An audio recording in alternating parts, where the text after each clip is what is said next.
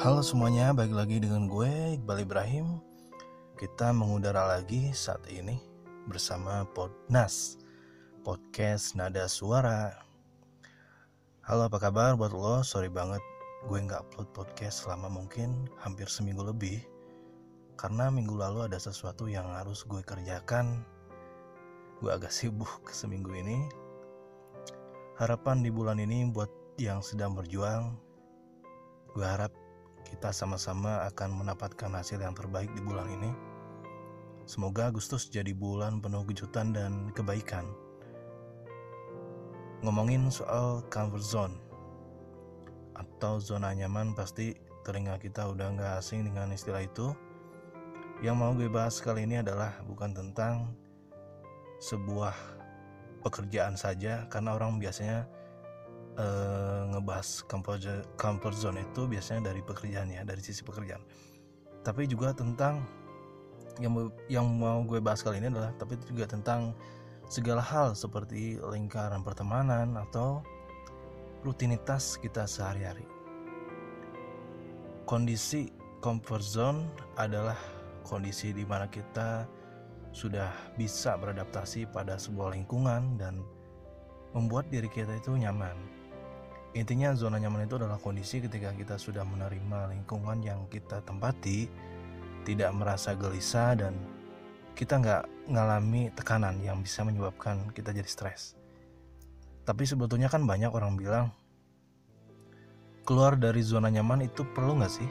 Dan apakah harus untuk keluar dari zona nyaman?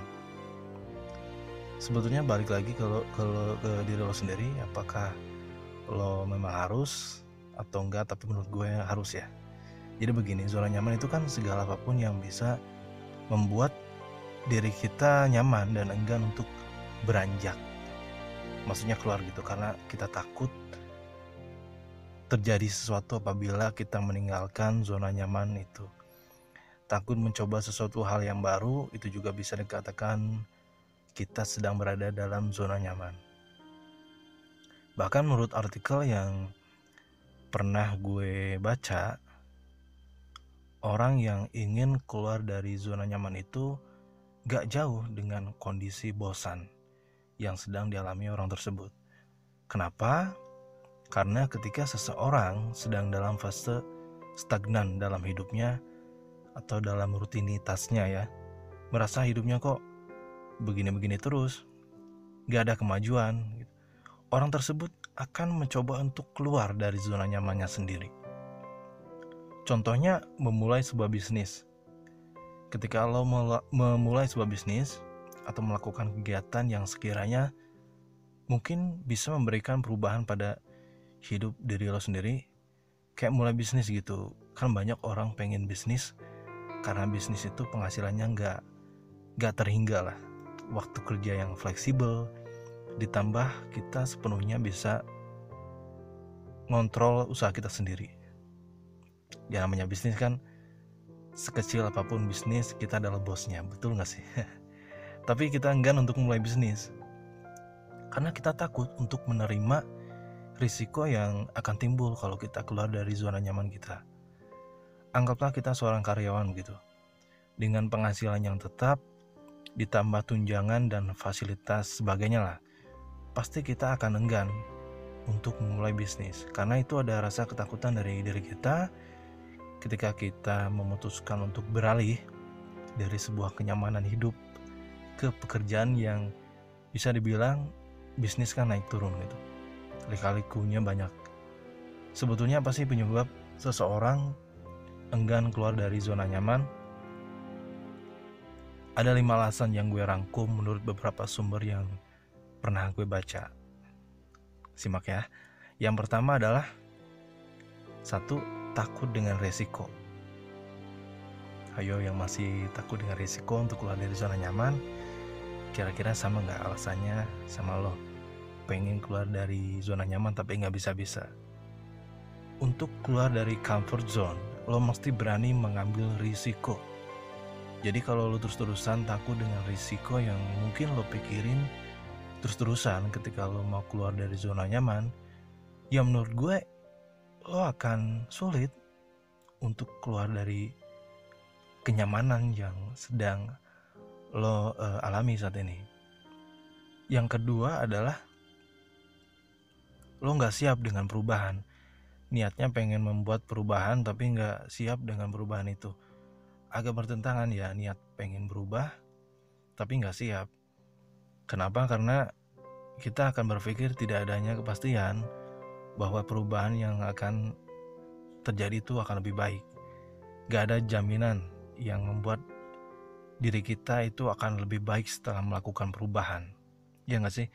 Selanjutnya muncul pikiran jangan-jangan gue gak bakalan lebih bahagia ketika gue melakukan perubahan. Atau jangan-jangan gue malah bakalan gagal. Dan menurut gue dunia asing yang belum kita coba gak jarang bikin kita bingung duluan sebelum kita memasukinya. Yang ketiga, alasannya adalah orang merasa nggak bisa belajar lagi. Orang yang terbiasa dengan cara hidupnya sehingga sulit buat dirubah. Lo merasa sulit untuk mengubah kebiasaan. Padahal nggak ada kata terlambat untuk belajar untuk belajar hal baru gitu. Keluar dari zona nyaman artinya lo harus belajar hal baru. Tapi kalau perasaan lo masih merasa nggak bisa belajar lagi, ya lo nggak akan menjadi orang yang inovatif dan adaptif sehingga lo akan terus-terusan memilih berdamai dengan situasi daripada harus berusaha berusaha keras uh, untuk belajar lagi yang keempat adalah alasan yang lain yang bikin lo nggak mau atau ragu-ragu untuk keluar dari comfort zone adalah lo nggak punya rencana jangka panjang lo cenderung hidup dari hari ke hari dan lo memutuskan segala sesuatu harus on the spot. Kebiasaan kayak gini bahkan bikin bikin lo sulit untuk berpikir uh, out of the box, apa itu terbuka ya.